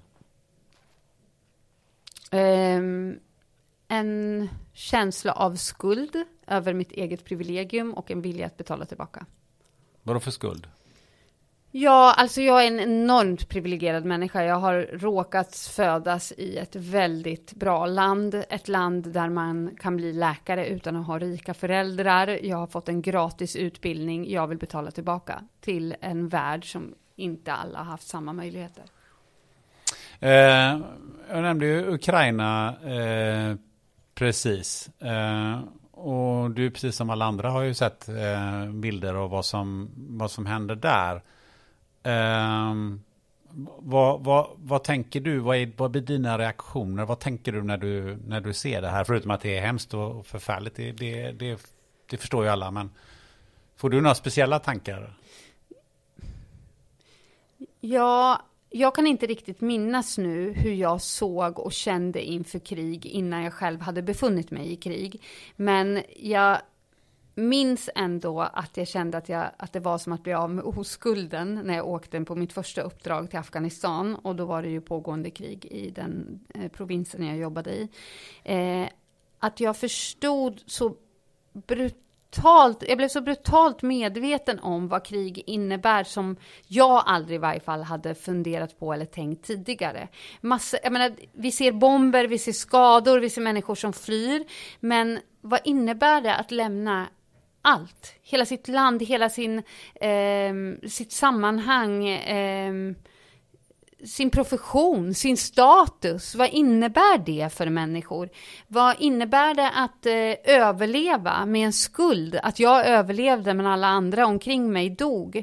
Vad innebär det att helt plötsligt eh, vara rädd för sin egen granne? Vem som helst kan ange en, du vet. Alltså massor med grejer som en, en sån grej som jag minns väldigt väl var i Afghanistan så smällde det en bomb någonstans i staden där jag jobbade. Eh, en dag när jag var på sjukhuset och liksom, det var helt uppenbart, man kände liksom att det var en explosion och hela golvet skakade. Och då tänkte jag så här, ja eftersom jag står här och hör det här så betyder det att jag har överlevt typ andades ut. Men jag såg på alla mina kollegor att de var helt livrädda, för de började tänka, vart är min pappa? Har han precis gått till marknaden? Var är min dotter? Var är min son? Alltså den här ständiga skräcken som det innebär att leva i ett krig, kanske inte bara för sitt eget liv, utan för alla sina eh, näras liv. Eh, jag tänker alla de tankarna nu när jag ser Ukraina, men det är möjligt att alla andra tänker så också. Men jag, jag jag tycker att krig är ännu hemskare än vad jag hade föreställt mig efter att själv ha varit korta, korta perioder i krigsområden. Eftersom du har sett det inifrån, vad, vad skulle du vilja beteckna? Vad, vad, är, vad är det värsta? Jag vet inte om det går att säga vad som är det värsta. Jag tror att det är allt det här. Um, Nej, jag tror inte det går att peka ut en grej. Utan det här är ju liksom en total förstörelse av människor, människors liv, trygghet, förtroende, eh, allt man har byggt upp. Eh, det får konsekvenser för liksom decennier framåt. Även om kriget tar slut idag så kommer Ukraina och Ukrainas befolkning leva med det här för decennier framåt människor som har förlorat ett ben ska leva liksom med ett ben amputerat. Hur ska de försörja sig, sin familj? Ja, du vet. Men när man jobbar på en sån eh, plats, för du har varit både i, vad jag förstått, i Syrien, Afghanistan och Jemen, Jemen och Kamerun. Jemen och Kamerun. Eh, för då kommer du in där, eh, då pratar vi verkligen akut sjukvård och du vet ju ingen aning vad det är som kommer in. Och det kan Nej. komma in, misstänker jag, att det kan komma in liksom 15 krigsskador plötsligt ja. på en gång och så. Ja. Men, men liksom, hur, hur prioriterar man, hur hanterar man sånt? Ja, det är en jättebra fråga och det är ju eh, liksom hela system som byggs upp för att kunna hantera det, just därför att det är så erkänt svårt. Eh, det du pratar om är egentligen någonting som heter masskadesituation, alltså att det kommer in väldigt många skadade som alla behöver operation nu. Och du har bara två operationssalar, det kom 15 som behöver operation nu. Eh, och då måste man ju göra triage, sortering. Man måste göra en sortering som är baserad på medicinsk prioritering. Och beroende på hur många ni är och hur mycket utrustning ni har så kan ni göra den mer avancerad och sofistikerad eller väldigt enkel. Väldigt enkel när du står ute på en gräsmatta och det bara ligger människor liksom skadade. Inte kan du hålla på och liksom mäta blodtryck och liksom göra någon liten algoritm och sen göra en prioritering, utan då handlar det bara om så här, de som inte kan hålla fri luftväg själva, förstår du, som där tungan åker bak, de är inte räddbara. Därför att du har inte tillräckligt med gubbar för att sitta och hålla deras luftväg. Så de bara prioriterar du bort. Eh, de som kan gå, de prioriterar också bort. De verkar inte dö här och nu. Och sen, förstår du, och så får man liksom sortera så tills man har några kvar. Vad är det för typ av skador, men det, krigsskador? Vad, vad, vad är de vanligaste skadorna? Och där måste jag säga att jag har lite olika erfarenhet från olika länder. I Afghanistan så var jag eh, på ett vanligt provinssjukhus som tog emot allt som tas emot, inklusive krigsskador. Men där såg jag vad jag skulle kalla för krigets baksida. Där såg jag liksom barn som dog i stelkramp.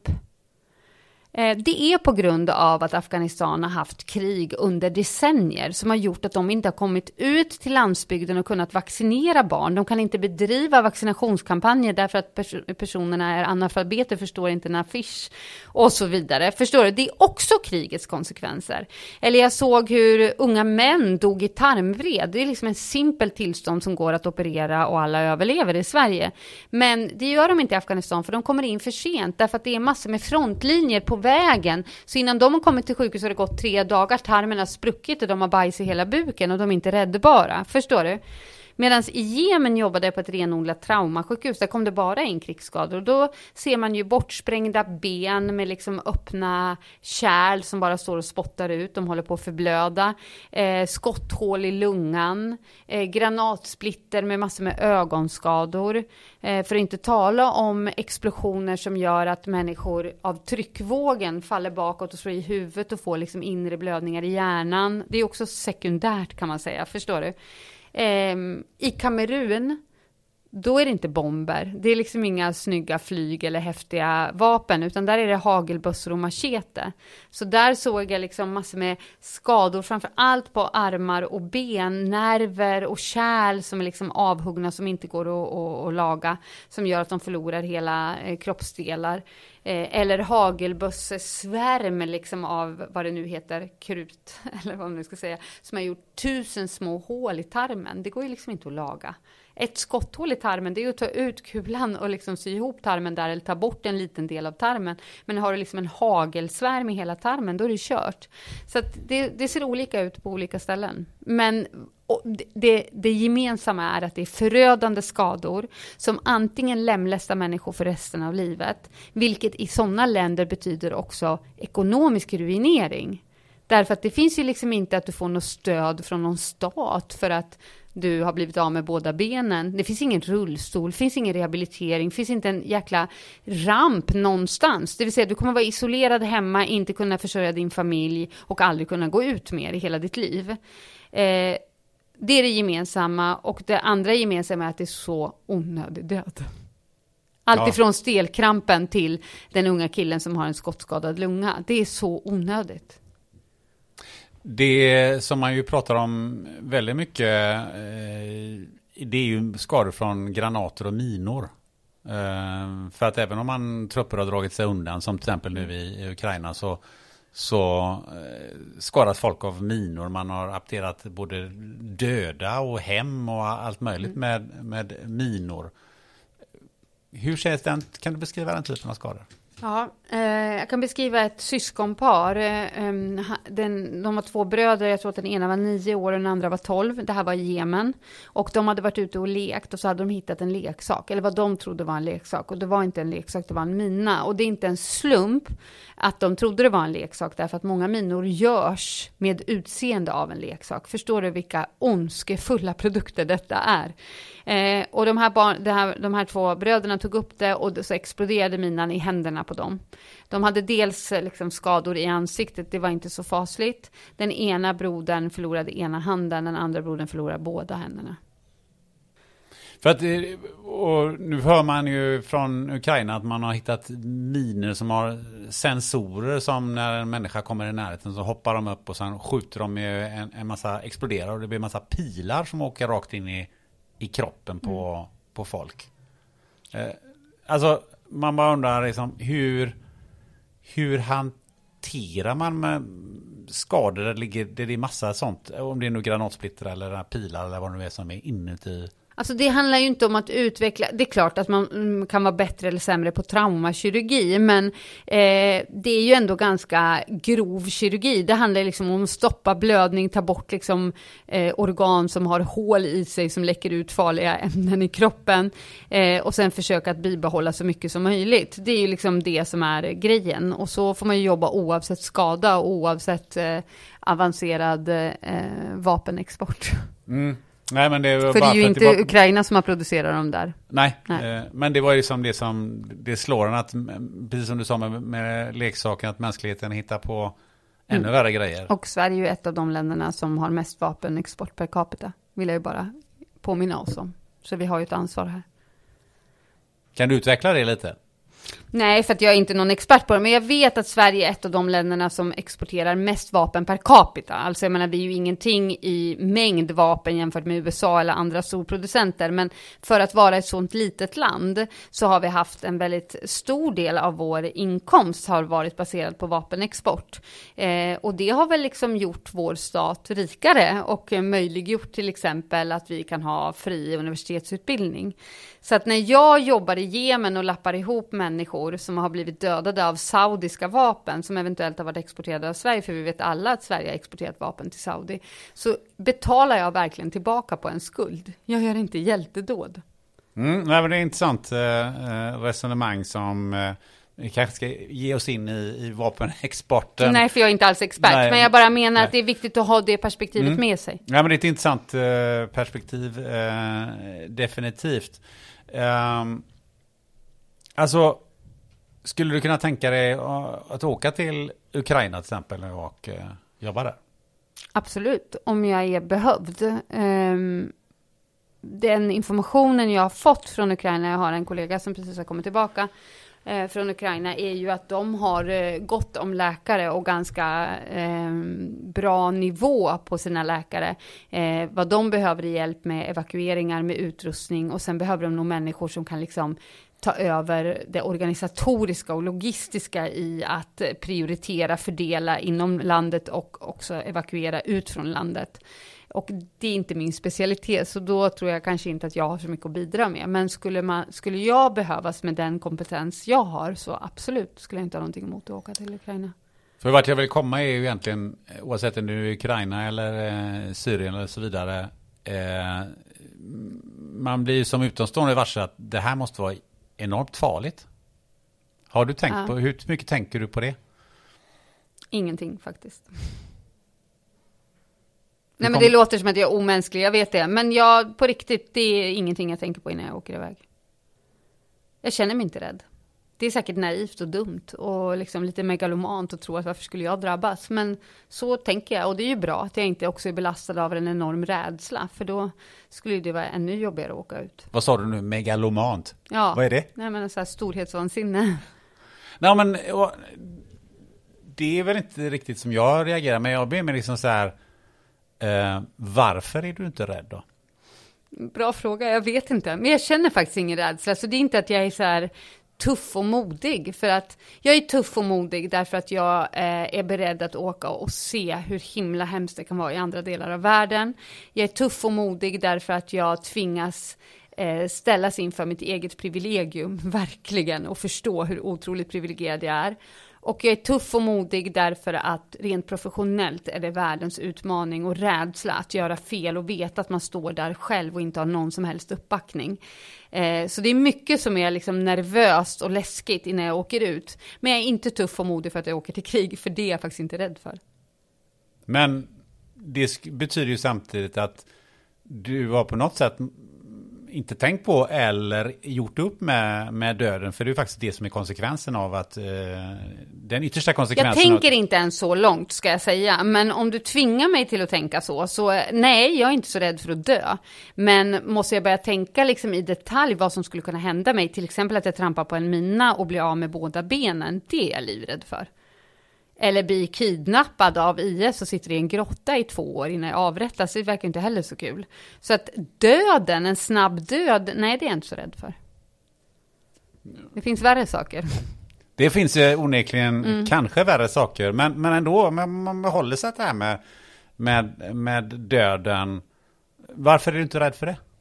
Den är ju inte smärtsam för mig. Den är ju smärtsam för de som blir kvar, som saknar mig. Det är ju sant i och för sig, men eh, om man tänker på, i alla fall så som jag tänker, jag skulle inte tycka det var speciellt kul att dö. Nej. Nej men alltså, det är ju partyt över. Ja, jag vet inte hur mycket party det är om jag ska vara helt ja, ärlig. Jag tycker lite... Och jag kan, jo, nej, men visst, livet har väl sina goda sidor, men jag kan känna att jag har också haft väldigt mycket gott i mitt liv. Alltså jag vill inte dö, men det är inte, nej, det är ingenting jag funderar på. Jag ser inte det som en jättehemsk sak om jag skulle dö. Jag gör faktiskt inte det. Men om du någonstans så, så måste du ha känt ett uns av rädsla vid något eh, tillfälle? Mm. Ja, jag kan inte komma på något sånt tillfälle. Rädsla inför medicinska beslut, rädsla inför att jag inte ska få ner tuben på någon med jättesvår luftväg så att jag ska eh, bidra till att den personen inte kan räddas. Eh, väldigt mycket rädsla kring min professionella eh, prestation. Men rädsla över mitt liv, nej. Jag kan inte erinra mig någon sån situation. Och inte rädsla över att du får sitta i den här grottan hos IS i två år och bli avrättad? Nej, inte den heller. Men helst vill jag inte prata om det, för då kanske jag börjar bli rädd för just den där grottan. Nej, men jag, jag blir, ja, det, det är helt okej alltså, men, men jag blir ändå lite eh, intresserad av, för jag har ju pratat med en del människor som, som har haft, eh, gjort helt andra grejer, ofrivilligt eller frivilligt. Eh, och just hur man hanterar rädslor. Ja, alltså jag känner inte att jag hanterar det. Jag känner det inte. Jag, jag, jag lovar dig. Alltså jag kan, inte, jag kan inte göra mig till här. Alltså det, det är verkligen så. Nej, du ska verkligen Och det låter det. jättekonstigt. Jag hör det själv, men jag kan liksom inte, jag kan inte argumentera för det heller, utan det är ett faktum. Men behöver du hantera andras rädslor? Och då menar jag inte de nere i, eh, i dit, dit, du, dit du kommer, utan människor som är här hemma i Sverige, för du har ju ändå mm. ett antal relationer i Sverige. Ja, Jo, och det är jag medveten om att jag belastar min familj genom att åka till dessa ställen. De är väldigt oroade. Ehm, men försöker, de försöker att bära det själva eller hantera det själva och inte lägga det på mig. Men, eh, men det är klart att jag är fullt medveten om att eh, jag inte gör dem lätt.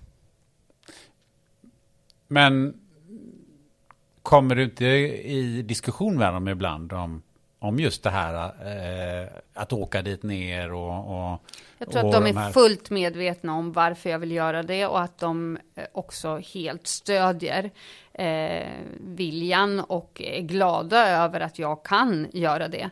Eh, så att jag tror att de försöker att hålla den oron och eh, rädslan för sig själva. Så det blir inte en argumentation, nej. De säger inte till dig, men jag är så rädd att du åker dit ner nu. Nej, inte så rakt ut, nej. Du har lärt dem att inte säga så kanske? Jag vet inte. Eh, men en annan grej är ju då, om du så att du inte har, har eh, rädsla, eh, hur ofta behöver du stänga av rent mentalt?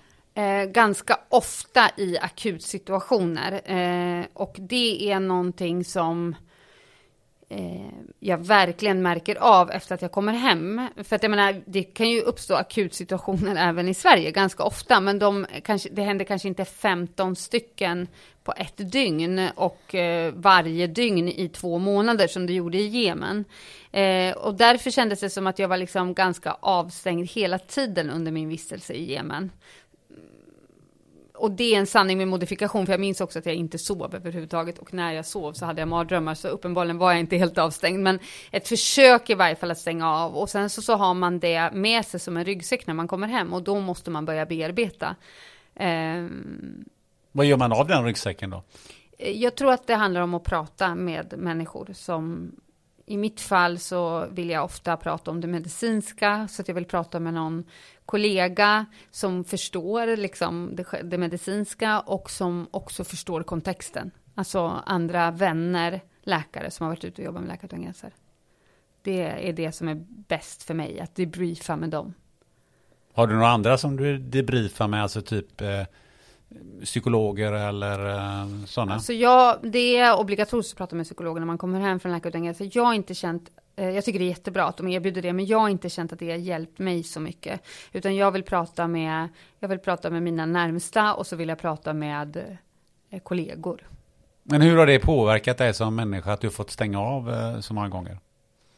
Jag, jag, känner inte att jag stängt av så lång tid, förstår du? Utan alltså, i Jemen är det att man stänger av i två månader och när jag var där i två månader drygt. Eh, men eh, Alltså stänga av, det handlar ju också om att eh, fokusera och göra det som behövs i stunden. Det finns ju någonting bra i det, att liksom få en skärpa i stunden och inte börja liksom tänka alla konsekvenser och alla hemska tankar där och då. För då är man ju inte bra i sin profession. Så att det där behövs liksom, om man är en läkare som jobbar med akuta tillstånd i Sverige så krävs det även i Sverige. Så att det, eh, jag är i varje fall väldigt mån om att inte vara avstängd kroniskt. Förstår du? Att liksom stänga av och sen vara avstängd, utan jag vill eh, låta det bubbla upp med jämna mellanrum, för att jag är rädd att man annars tappar en viss humanitet. Liksom. Eh. Men hur blir du när du bubblar upp? Må, hur mår du då? Ja, men alltså jag, vill, jag menar att det här är liksom någon ongoing avstängdhet, bubbla upp grej mest hela tiden. Det är inte väldigt tydligt att oj, så här, nu bubblade det upp i fyra dagar och då satt jag och grät. Eh, det är inte riktigt så, utan det, det är att det pyser mest hela tiden. Ehm, även menar jag med min vardagssituation i Sverige och de hemskheter jag bevittnar på sjukhuset där och liksom enskilda tragedier som inte är samhälleliga tragedier men enskilda tragedier i allra högsta grad för de familjerna som drabbas. Ehm, Ja, alltså det är klart att det är en tyngd. Jag är inte en, en helt bekymmerslös, liksom, eh, glad göteborgare, förlåt mig, men eh, det är jag inte. Eh, jag tycker att jag har fått en, liksom, en viss eh, mörkare ton i hela min sinnesstämning. Eh, men jag är inte säker på att det är fel. Alltså det, det vore konstigt att vara helt bekymmerslös också med tanke på hur världen ser ut. Men har du någon gång funderat på att eh, du känner att du stänger av och därmed också får en viss kyla. Det är den jag är väldigt rädd för att få. Eh, jag är, jag är, helt beredd på att ha en kyla i stunden därför att det gör mig bättre i min professionella prestation. Men jag vill inte bli en kylig människa. Jag hoppas att jag inte har blivit det. Finns det en risk att man blir cynisk? Ja, det tror jag. Det tror jag. Och det tror jag, eh, den risken är större. Jag kanske är det redan. Jag, jag, är inte säker på att eh, man själv är den som upptäcker när man har gått över gränsen och blivit cynisk faktiskt. Eh, men jag tror att risken för att bli cynisk eller avstängd och kall eh, ökar om man inte pyser däremellan. Och jag verkligen värnar om att pysa. Som ett sätt att försöka skydda mig från detta. Du, eh, vi börjar närma oss slutet. Jag tycker att, att det här med att värna om att pysa tycker jag är ett, eh, ett mm. en, en, det är en grej som vi tar med oss, mm. tror jag alla. Mm. Vi människor, vi behöver pysa ibland. Mm. Oavsett om vi eh, ser det du har eh, sett eller ser på din, i din vardag. Eller om man bara är en poddare från Göteborg. Mm.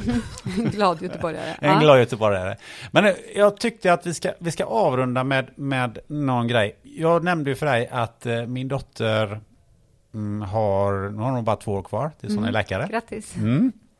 Eh, och hon är väldigt dedikerad. Eh, men Jag eh, skulle vilja ha lite tips från dig. Vad, vad tycker du, och inte bara hon, utan vad tycker unga läkare, alltså hennes studiekamrater och så här, vad, vad, vad tycker du de borde tänka på och, och kanske ta med sig från en klok läkare som dig? Eh, det är att inte lyssna så mycket på sådana som mig, faktiskt. Alltså jag har pratat med väldigt många läkarstudenter, eh, särskilt om det här med sjukvårdspolitik och vad sjukvård ska vara och vad innebär det att vara vår profession och yrkesetik och så. Jag tycker att de är sjukt smarta och helt liksom oförstörda. Sen när man kommer ut i verkligheten och börjar jobba så vi är sociala varelser och vi är överlevare, så vi lär oss att stänga av, vi lär oss att anpassa oss till system. Särskilt läkare tror jag att vi är väldigt duktiga flickor i klassen, även männen. Eh, vi är väldigt duktiga till att anpassa oss till system, det är därför vi har fått höga betyg en gång i tiden. Eh, och det är väldigt lätt att då bli förblindad och börja jobba utifrån premisser och mål som inte är våra genuina från första början och som egentligen inte är vår professions. Så mitt tips till dem är att håll kvar den känslan och de ideal och den, det mål ni har nu och låt er inte indoktrineras när ni kommer ut i verkligheten. Hur ska de göra så att de ska överleva den här verkligheten och inte gå in i den så kallade väggen och säga upp sig efter eh, två år? Jag tror att om man försöker att förändra och är i en process att förändra, då går man inte in i väggen, för då har man ett mål att göra någonting. Jag tror att det är när man blir uppgiven och känner tröstlöshet som man eh, går in i väggen. Alltså det finns ju tusen skäl till att gå in i väggen, det här var ju liksom väldigt kvasig förklaring, men eh, så, så ett, låter inte bli förblindade, låter inte indoktrineras av systemet och två, uppmärksamma alla andra hela tiden och försök att bidra till en förändring. Du, eh, där eh, tycker jag avrundar vårt samtal. Vem tycker du jag borde intervjua? Ja, det var en bra fråga. Jag har verkligen funderat jättemycket på det. Jag tror att det finns någon jättebra person som jag inte har kommit på som jag egentligen tycker att du ska intervjua. Ja. Men jag tycker du ska intervjua Johan Kullberg. Har du gjort det eller? Nej, vem är det? Berätta. Eh, han är professor i psykiatri. Han är jättegammal. Jag tror han är 90 år. Eh, men eh, han är en väldigt klok person av det lilla jag har hört och läst. Han har gett ut mycket böcker. Jag liksom känner inte honom alls personligen. Eh, jag tycker han är väldigt klok och eh, analyserande och eh, nytänkande människa som inte tänker som alla andra. Och eh, jag lär mig väldigt mycket varje gång jag hör honom. Du, om man nu blivit jätteintresserad av att få reda på mer om dig och sådär.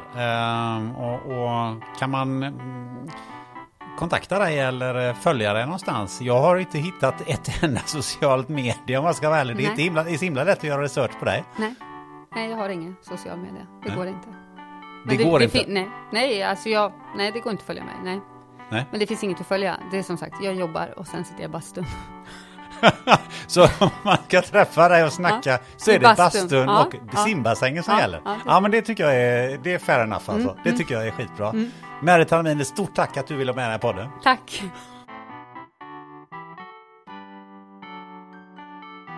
Du har lyssnat till det 118 avsnittet av podden Spännande möten. Gillar du det här avsnittet alldeles speciellt eller vill stötta podden? Ja, då finns alltid Swish-funktionen nära till hands.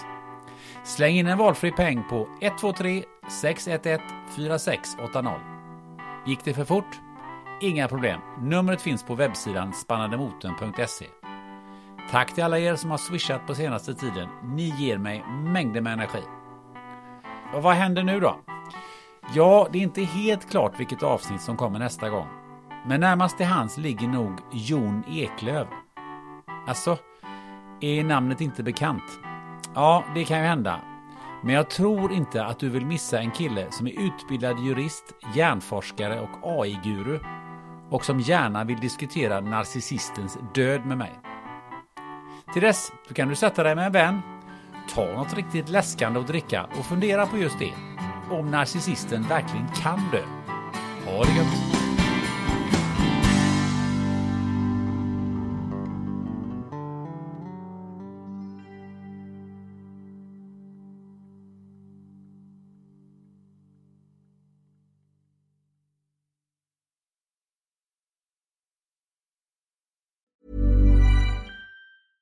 Even when we're on a budget, we still deserve nice things.